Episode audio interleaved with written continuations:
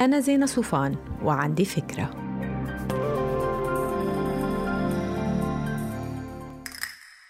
هاي فكرتي اليوم هي إنه استخدم هاي المساحة لعرفكن على بودكاست جديد إلي اسمه هذا الكون أو This Universe عملته مع صديق إلي اسمه شريف روحي.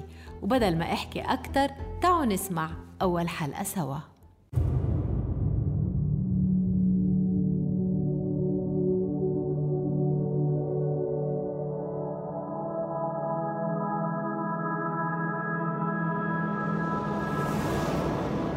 أول أول أول شي بنعرف إنه حصل هو تشكل المادة والطاقة والفضاء والزمن بنقطة أحادية ساخنة بسرعة مذهلة وتضخم بشكل هائل قبل 13 مليار و800 مليون سنة.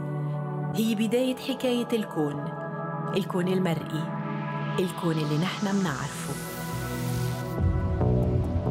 بعد بتكة أو بأقل من نص مليون سنة. ابتدت الذرات والجزيئات تتشكل لتبني تدريجيا كل الأشكال اللي حوالينا اليوم. لكن الحياة اللي بنعرفها ما ابتدت إلا بعد أكثر من عشرة مليار سنة. ابتدت هاي الحياة على كوكبنا الصغير اللي بيلف حوالين شمس متوسطة الحجم موجودة مع كواكبها بركن بعيد من مجرة.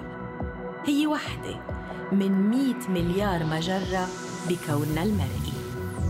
وصارت الحياة على الأرض تتجلى بهيئة ملايين الكائنات على مدى 3.5 مليار سنة ماضية. بآخر 300 ألف سنة بس ظهر الإنسان. طيب مش غريب إنه هالكائن بعمره القصير يلي كأنه لمحة بصر ينجح بهالسرعة بالخروج من كهفه المظلم. ليصول ويجول بالفضاء. بين الكهف والفضاء انكتبت فصول التاريخ.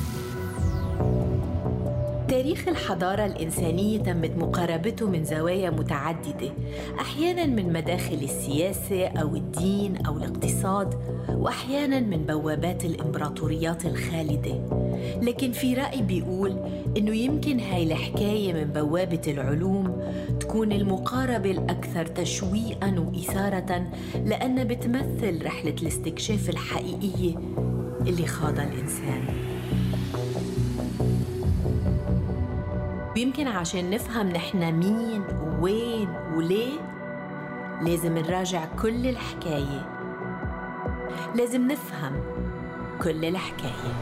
إذا عجبكم البودكاست وحابين تسمعوا الحلقات التالية منه فتشوا على هذا الكون This Universe على منصتكم المفضلة واعملوا subscribe bye